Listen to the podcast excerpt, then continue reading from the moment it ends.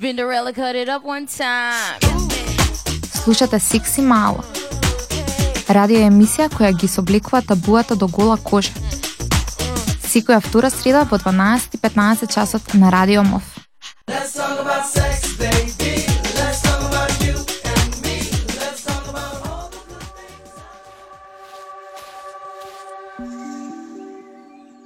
Уште една среда, секси малци, повторно на Радио МОВ, 12.15, терминот кој што е стандарден и најверојатно сите кои што не следите го познавате. Точно и како што велиме во најавниот джингл на нашата емисија дека ги соблекуваме табуата и идеме против сите предрасуди и она што е прифатено како нормално во наводници во нашето општество, му прекусиме на тој факт и еве на 13 декември иако веќе заврши кампањата 16 дена активизам против насилство на девојки и жени, ние продолжуваме Продолжуваме со оваа емисија и заедно со Љупка која што е нашата гостинка денес во емисија, ќе зборуваме за превенција на насилство врз жени и девојчиња и колку овој проблем треба да ги засега и младите и општо сите во општеството, не само во тие 16 дена, туку и преку целата година. Пред да продолжиме со интервјуто кое што го подготвивме за вториот блок од оваа емисија, продолжуваме со кратка музичка пауза.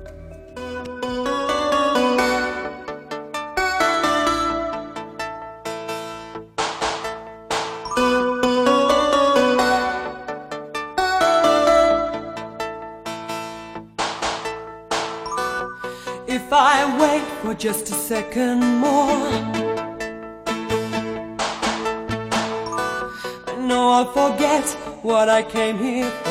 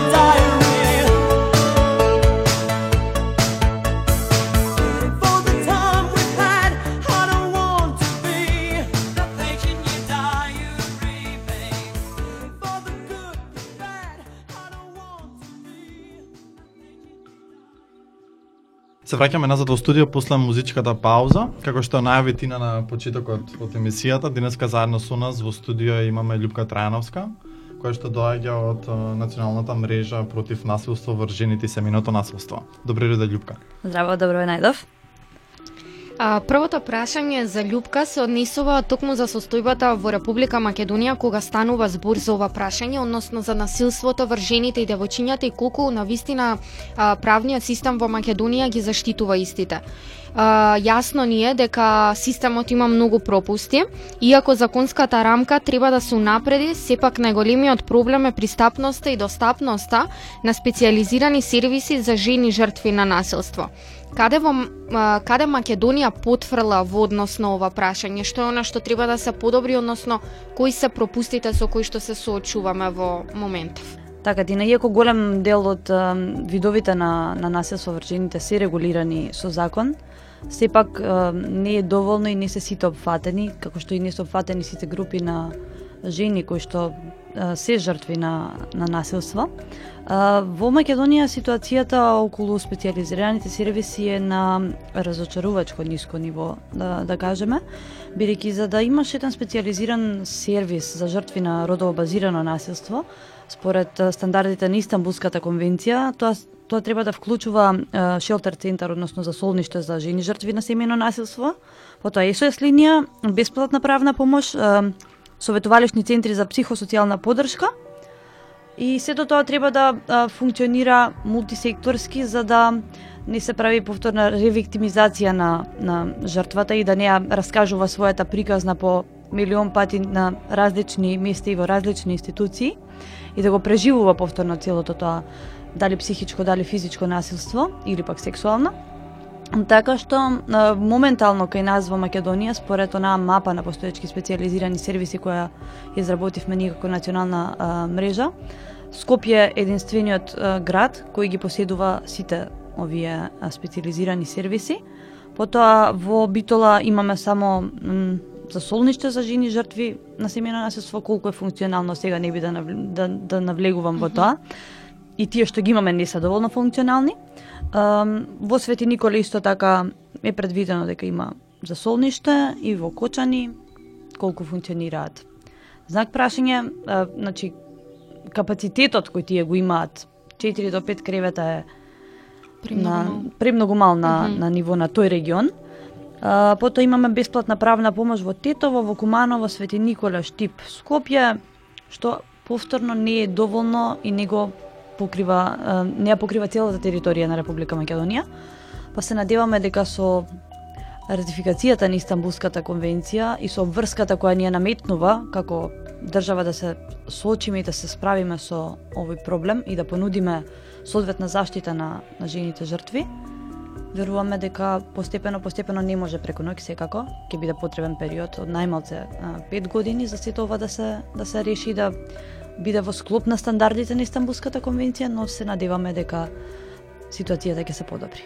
Така, супер што го спомнува, затоа што ова е еден новитет кој што деновиве нели беше објавено дека владата го усвои предлог законот за ратификација на Истанбулската конвенција, па бидејќи веќе го начинавме тоа прашање, можеш ли вака твоето мислење да ни го кажеш за тоа колку голем чекор представува ова за Македонија, односно за сите девојки и жени и не мора да се само жртви на насилство, туку општо за сите колку сме заштитени и колку овој закон за нас постои колку е важен за истото.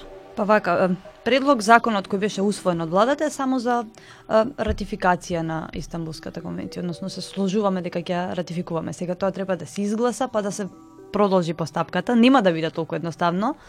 А, се што треба понатака да се направи е да се подобри оној закон кој веќе го имаме или пак да се изработи нов. Моментално насилството врз жените е регулирано во Законот за превенција и спречување на семено насилство, Законот за работни односи, Законот за ам, вознемирување на работно место, за превенција на вознемирување на работно место, како и кривичниот законник на Македонија. Е сега не се сите видови на насилство кои постојат регулирани со нашите закони. Односно ќе треба да се направи допрецизација и да се направи една анализа кои се видови на насилство врз жени постојат во нашата земја, па врз основа на тоа мада веќе истражувања се доволно направени м, од невладиниот сектор и така како можат да дадат конкретни информации, бидејќи МВР до сега не водеше никакви статистики за тоа кој пријавува насилство, од кого доаѓа насилството. Во последниве 6 месеци беше дадена една статистика каде што вели дека од сите оние жртви во прво во првото полугодие од годинава што пријавиле насилство, 95% се жени, Така. а 5% се а, деца или пак а, мажи. Зборуваме повторно за семејно насилство, бидејќи ние го третираме како такво, како семејно. Меѓутоа, каде е тука оној друг вид на интимно партнерско насилство кое не влегува во, во семејството? Точно. Каде е тука она насилство, оној булинг во училиштата, каде е сексуалното вознемирување во училиштата, кое што со кое што и како се соочуваме и за жал живееме, а институциите решаваат да ги затворат очите и да велат дека тоа не постои во, во нивните а, институции, да речеме. М, Липка спомена дека во, во Македонија и покрај тоа што имаме некакви сервиси кои што спомена каде се распределени до некаде каков тип на услуги даваат, се уште се соочуваме со моментот дека немаме немаме моментум кој што ги заштитува жените, особено оние кои што се жени и девојки со попреченост. А сепак сме свесни дека и така ако се врши а, физичко, се врши насилство без разлика дали е директно физичко или индиректно на некаков начин структурирано. А, многу многу често овие лица се соочуваат со некаков тип на двојна дискриминација кој што не, не може да се препознае од, од луѓето, меѓутоа во исто време и самиот механизам нема алатки како може да да се справи со него во целост. Кој е твоето мислење во однос на можеби воспоставување на некаква рамка која што ќе биде исклучиво насочена кон овој тип на на а, луѓе, односно кон жените и девојките со попреченост? Така, на- повторно ќе се вратам на Истанбулската конвенција. Изгледа дека Истанбулската конвенција ни е единствен е, одговор и лек за, за решавање на сите овие наши прашања, иако тоа не треба да биде така, иако една нормална држава треба да води грижа за сите своји а, граѓани и да не чека да подпиша тамо некој си документ за да го направи тоа. Значи никој не ни ги врзал рацете и предходно да да ги вклучиме овие луѓе и да ги заштитиме исто како и сите останати граѓани во државата. За жал моментално оние засолништа кои постојат не се достапни за а, лица со попреченост, нити со физичка попреченост, нити а, со интелектуална попреченост.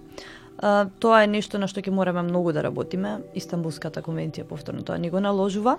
Ние како дел од кампањата 16 дена активизам веќе имавме еден а, ваков настан, се решивме, се решивме, не се решивме, туку ете дојде време да го отвориме и ова прашање. А, Наши а, говорници на на панел дискусијата беа Мила Царовска, министерката за труд и социјална политика, потоа господинот Бентомин Перкс а, од УНИЦЕФ, кој зборуваше повеќе нели за дечињата со а, попреченост, како и Ема Ананиевска, а, наша абсолвентка на музичка на Академијата за музичка уметност и директорката, извршната директорка на Националната мрежа против насилство врз и семено насилство. А, Го покренавме ова прашање. а, И да, да не ја заборавам да, не, да ја напоменам, модераторка беше Лјулјета Адеми на, на овој настан. А, многу ни е драго што, ете, а, две лица со попреченост беа вклучени и активно учествува и ги застапува своите права, но ги кажува своите потреби како лица со попреченост, бидејќи колку и да се занимаваме со, со таа тематика, доколку не ги видиме и не ги прашаме нив што е тоа што им е потребно и каде е, системот им наштетува на некој начин, ние може би никогаш нема да знаеме, затоа што секој гледа нели со своите очи и гледа од, од страна на, на она што му е, не му пречка во секојдневното живење. Um, беше многу е, интересен настан, меѓутоа морам да нагласам за жал многу малку посета. Тоа ви кажува која е свесноста и ем, колку пошироката јавност е заинтересирана за тугите проблеми. За жал, според мене не сме веќе толку социјална и солидарна држава колку што би требале да да бидеме.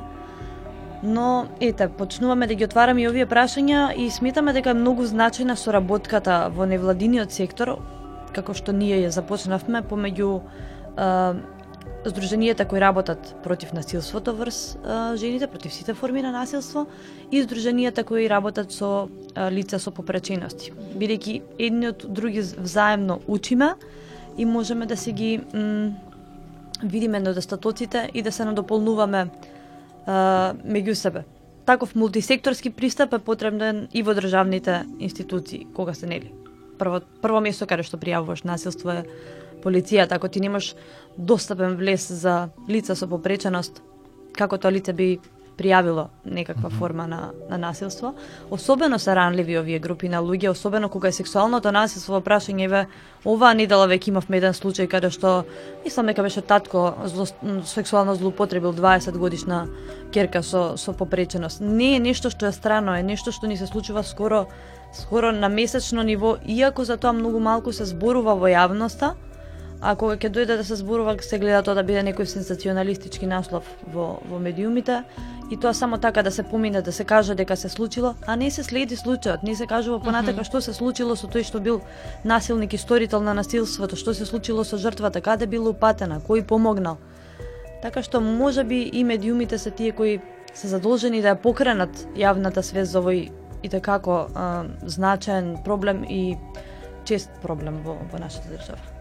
Точно и не само институциите, кога зборуваме за едукациите кои што ги спроведуваме во основните и средните училишта, јас ќе напоменам и тука дека ти си едукаторката која што има можеби најмногу модули во Хера помината во основни и средни училишта.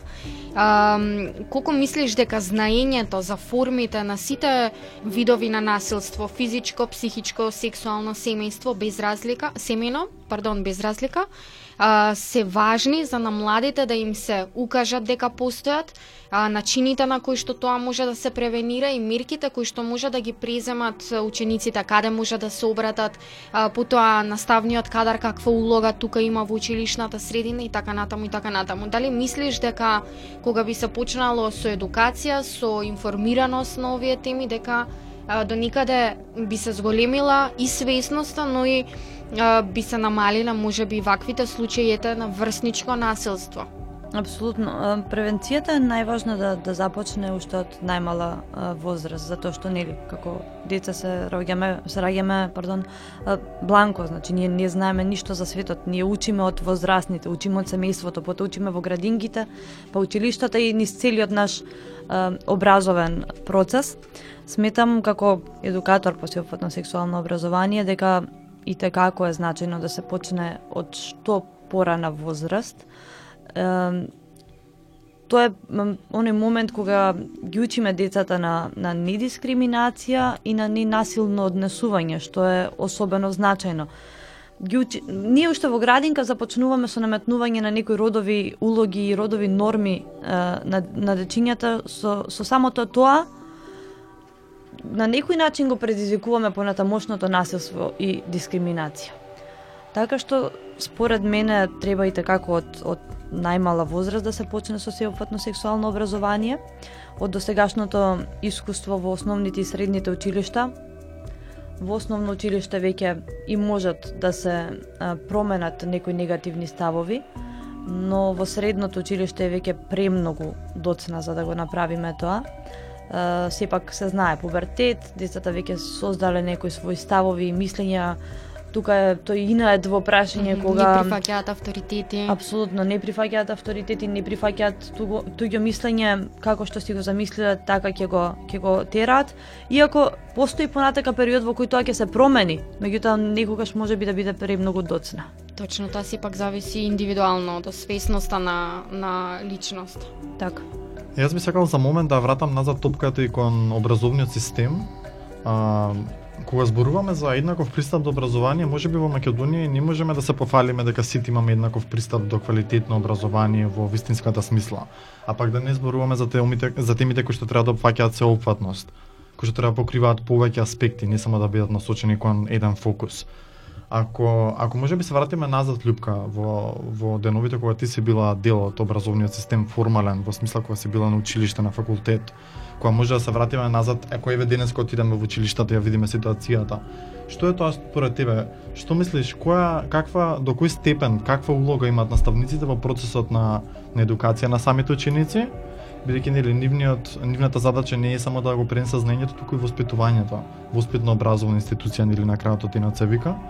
И моментот кој што може би малку го ставаме под тепиха, тоа е многу малку зборуваме за различностите, особено за луѓето со попреченост. Што мислиш ти док што е онакое што каков тип на улога имаат наставниците во целиот процес? Ако видиме дека реално децата поминуваат повеќе време на училиште него можеби во друга средина во домот со своите пријатели така натака. Да, Кико, така како што кажа, не е достапно образованието за секого. Да започнеме од тоа дека лицата со попреченост ги одвојуваме и учат во други училишта, не, не одат во истото училиште со лицата кои немаат никаква попреченост. Потоа немаат достапен материјал, постои недостаток од пристап до информации на јазик разбирлив за овие лица. Дали е тоа брајова азбука, дали е тоа знаковен јазик, разбирлив, разбирлив јазик за лицата со интелектуална попреченост. Тоа е многу значајно за да овие лица ги вклучиме во, во секојдневниот живот и во процесот на образование, бидејќи едноставно доколку ни се достапни материјалите на разбирлив е, начин на сите, ќе имаме еднаков пристап до образование. Се до додека не дојдеме до тој степен на на инклузивност, ние ќе ќе тапкаме во место на некој начин. Баш кога споменавме и конференцијата, ние изработивме како национална мрежа брошура на Брајова азбука, достапна за лицата со оштетен вид, каде што има информации за насилството врз жените, како физичкото, така психичкото, така и сексуалното насилство, каде да се обратат со броеви, со оние малку достапни за жал, меѓутоа сепак ги имаме и а, функционираат. Потоа изработивме и една брошура за лицата со интелектуална попреченост. А, сметаме дека ова е еден значен чекор каде што со кој ќе им помогнеме да го препознаваат првенствено насилството, а потоа и да ги охрабриме да го пријавуваат истото. Многу е тешко ово, особено кога се во прашање лица со интелектуална а, попреченост. Меѓутоа, доколку има волја и желба да се работи, и така како може, може да се постигне ова. А, да се навратам нели на образованието, она, она што ме праша ако споредам во времето кога јас учев и во времето сега кога држам едукации на, на деца, па не многу работи се промениле. Така, сексуалното вознемирување беше нешто што често се случуваше јас кога бев ученичка и е нешто што и денес кога гледам дека често се случува.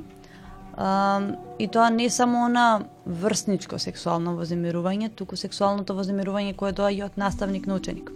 Она кое децата има многу тешко да го препознаат, барем од досегашното искуство од досегашните работилници кои што сме ги работеле и јас и вие со со деца можеме да да заклучиме дека многу потешко го препознаваат овој вид на на сексуално вознемирување, обично во наставниците гледаат како родителска некоја mm -hmm. фигура, па мислат дека тоа е така направено од милост, меѓутоа во многу голем број случаи ова има сексуална позадина и е многу голем многу голем прекршок и И, и како треба да се реагира и децата треба да знаат да го препознаат и да имаат каде да пријават и каде да се заштитат, бидејќи овој вид на сексуално вознемирување во најраните детски години и како има понатака низ животот влијание на целата психичка состојба на, на едно дете.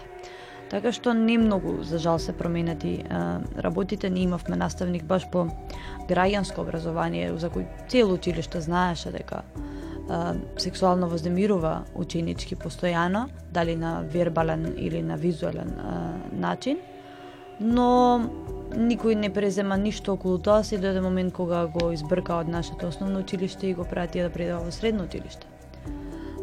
Тоа е исто како она кога ќе земеш еден ученик кој имал ниско поведение, па го префрлаш од еден клас во друг клас, па значи ти не го решаваш проблемот, ти само бегаш од проблемот и му го даваш проблемот на некој друг да го решава.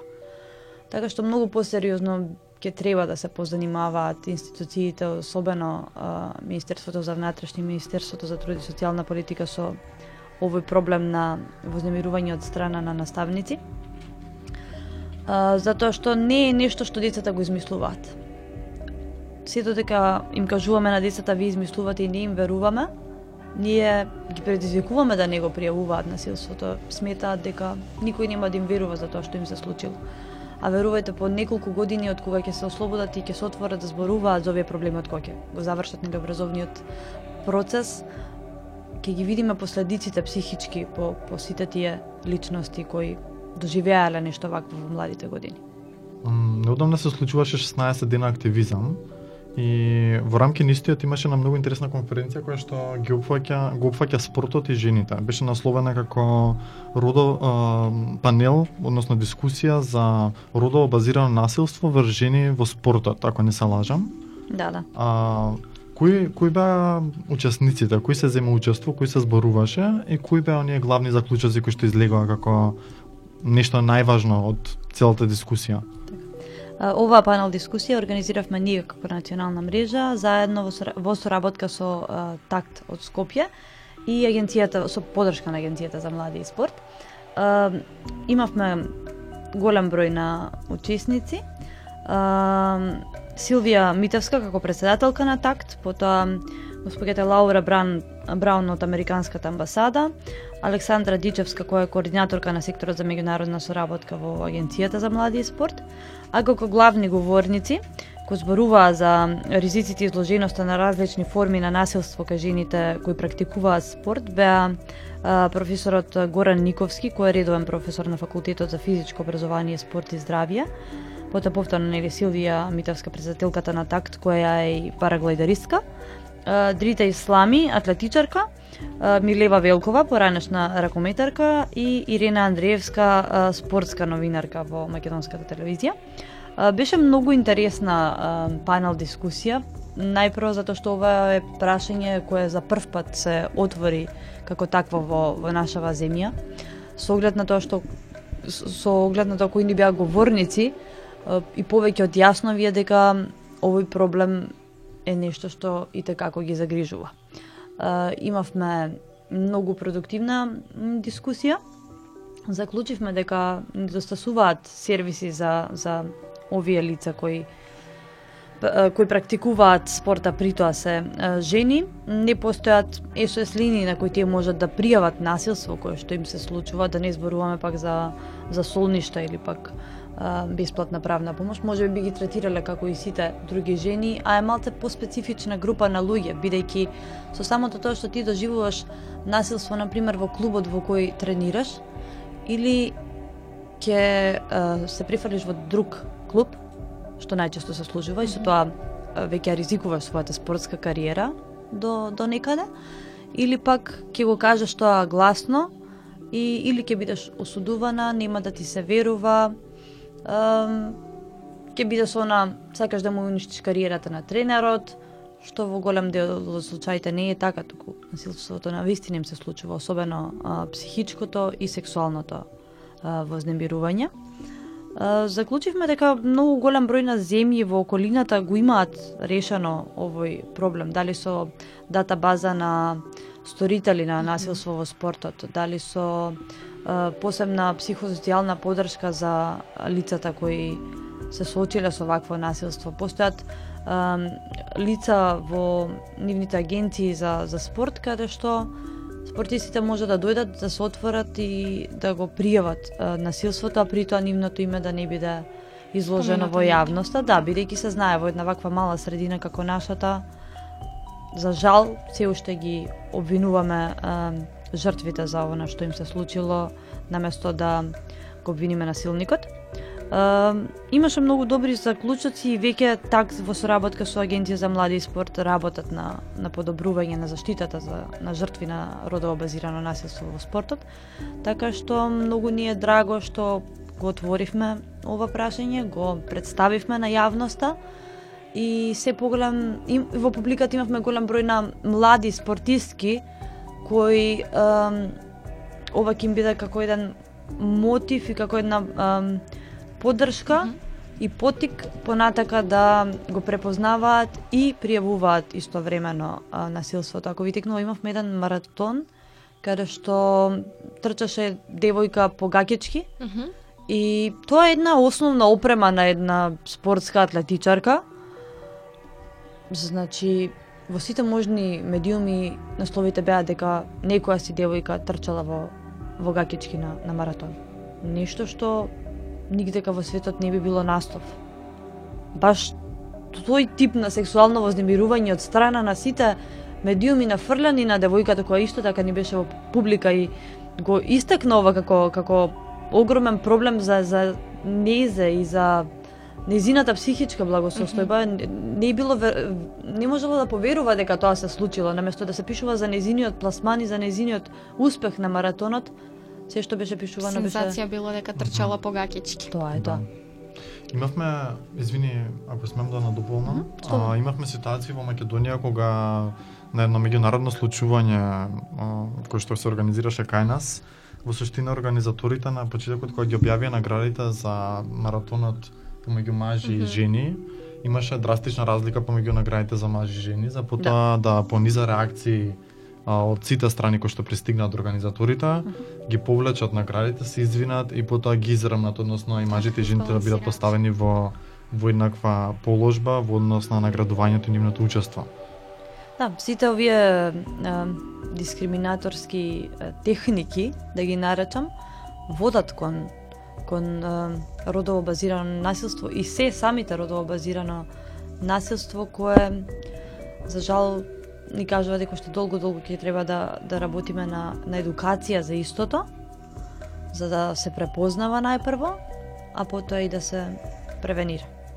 Точно. И на самиот крај, уште еден новитет кој што ни доаѓа токму од Националната мрежа против насилство на жени и девојки, е тоа што е отворен и првиот фонд наменет за жени кои што ја напуштаат насилната семејна средина. А, Лјупка, можеш ли да ни кажеш нешто повеќе за ова? Како функционира донирањето, за кого е наменето, каков е досегашниот интерес произлезан од ова идеја и така натаму? Така. Па, идејата за женски фонд е од понеодамна. Првата донација која дојде во овој женски фонд беше од тогашниот градоначалник на, на општина Центар Андри Жарновски, кога се одлучи средствата кои беа наменети за прослава на 8 март да ги донира токму за жени и девојчиња жртви на, на насилство.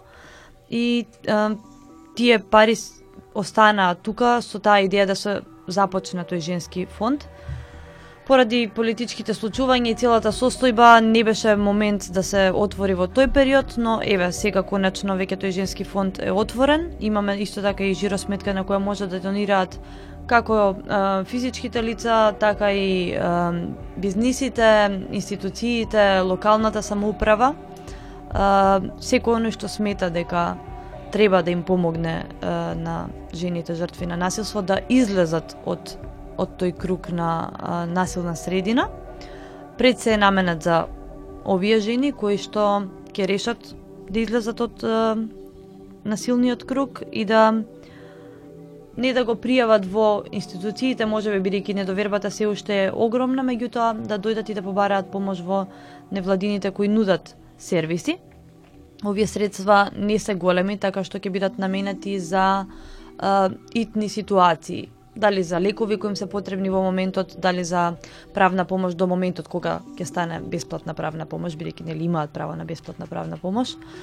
Дали за патни трошоци од местото на живење до шелтер центар, до засолништето, не се тоа некои си огромни суми и огромни трошоци, меѓутоа во тој момент за жртва која што веројатно економски е нестабилна, ќе значат многу и ќе бидат е, од голема помош и поддршка за да искочат сосема од од насилната средина. А, имаме исто така и броеви за донации, едниот е на OneVip 143477 и другиот е на Телеком 143300. Така што може да се донира и на овие два броја, исто така имаме жиросметка која е објавена на, на официјалната страна на националната мрежа и на Facebook и на веб страната. Така што кој е Да, ќе ги заинтересиран објавиме и може ние да- на да. нашиот фан пејдж на Сикси Мало и броевите за донации и жиросметката. Секако и ќе споделиме и повеќе информации за целокупниот за целокупната содржина на нашиот разговор овде во емисијата, така што верувам дека ќе слушнат доста луѓе за ова и дека иако ете се работи за некоја символична сума која што ќе се собере, верувам дека во такви итни ситуации како што кажа, на никого на вистина би му се нашло во тој момент. Да. А, Кико? А, Љупка, ти благодарим уште еднаш што одвои од времето да дојдеш во студио и да зборуваме за и такако важна тема која што може би путено или непутено, свесно или несвесно ја потикнуваме под тепихот и се уште за жал е табу кај нас. А, благодарност до тебе и до Националната мрежа против насилство врз жените и семејното насилство за ова интервју, во едни гостување кое што ете јавно проговоривме за сите можеби аспекти кои што не толку директно ги обработуваме или пак зборуваме. А, и за крај ве оставаме да а, слушнете... А, Љупка, има нешто да каже за крај, окей. Okay. Да, сакам да напоменам дека е многу значајно на овој проблем да не посветуваме внимание само во тие 16 дена активизам, односно во само таа кампања од 16 дена, туку значајно е да се работи во сите 365 дена, затоа што само на тој начин можеме, не можеме да го спречиме, во никој случај не можеме да го превенираме проблемот со родово базираното насилство и воедно би сакала да ве поканам на 21 декември, петок, на промоција на студијата за различни форми на сексуално насилство во Македонија. Тоа е едно истражување кое го работевме со националната мрежа во изминатиот период. Ќе биде во Хотел Порто од 11 часот, така што ќе објавите и на вашата страна, Да. ќе го споделите настанот. Повелете. Одлично. Благодарим уште Јас- еднаш. Мгм. ајде повели ти. Јас ќе се надокнадам на тоа што ти благодариме за тоа што одвои време да дојдеш во студио и мило ми е што се дружевме на една тема која што и на нас, а особено на тебе, ти била омилена и за едукации, воопшто на било какви панел дискусии или конференции за да а, зборуваш за истата.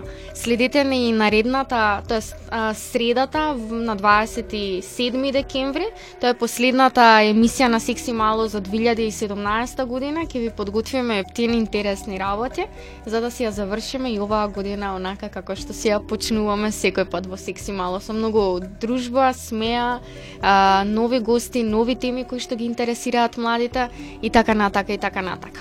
Се гледаме на 22 на настанот на мрежата, а потоа се слушаме следната среда на 27 со предновогодишно расположение, интересни содржини и последната емисија за оваа година на Секси Мало. Spinderella cut it up one time. Слушате Сикси Мало. Радио емисија која ги собликува табуата до гола кожа. Секоја втора среда во 12:15 часот на Радио МОВ. Let's talk about sex.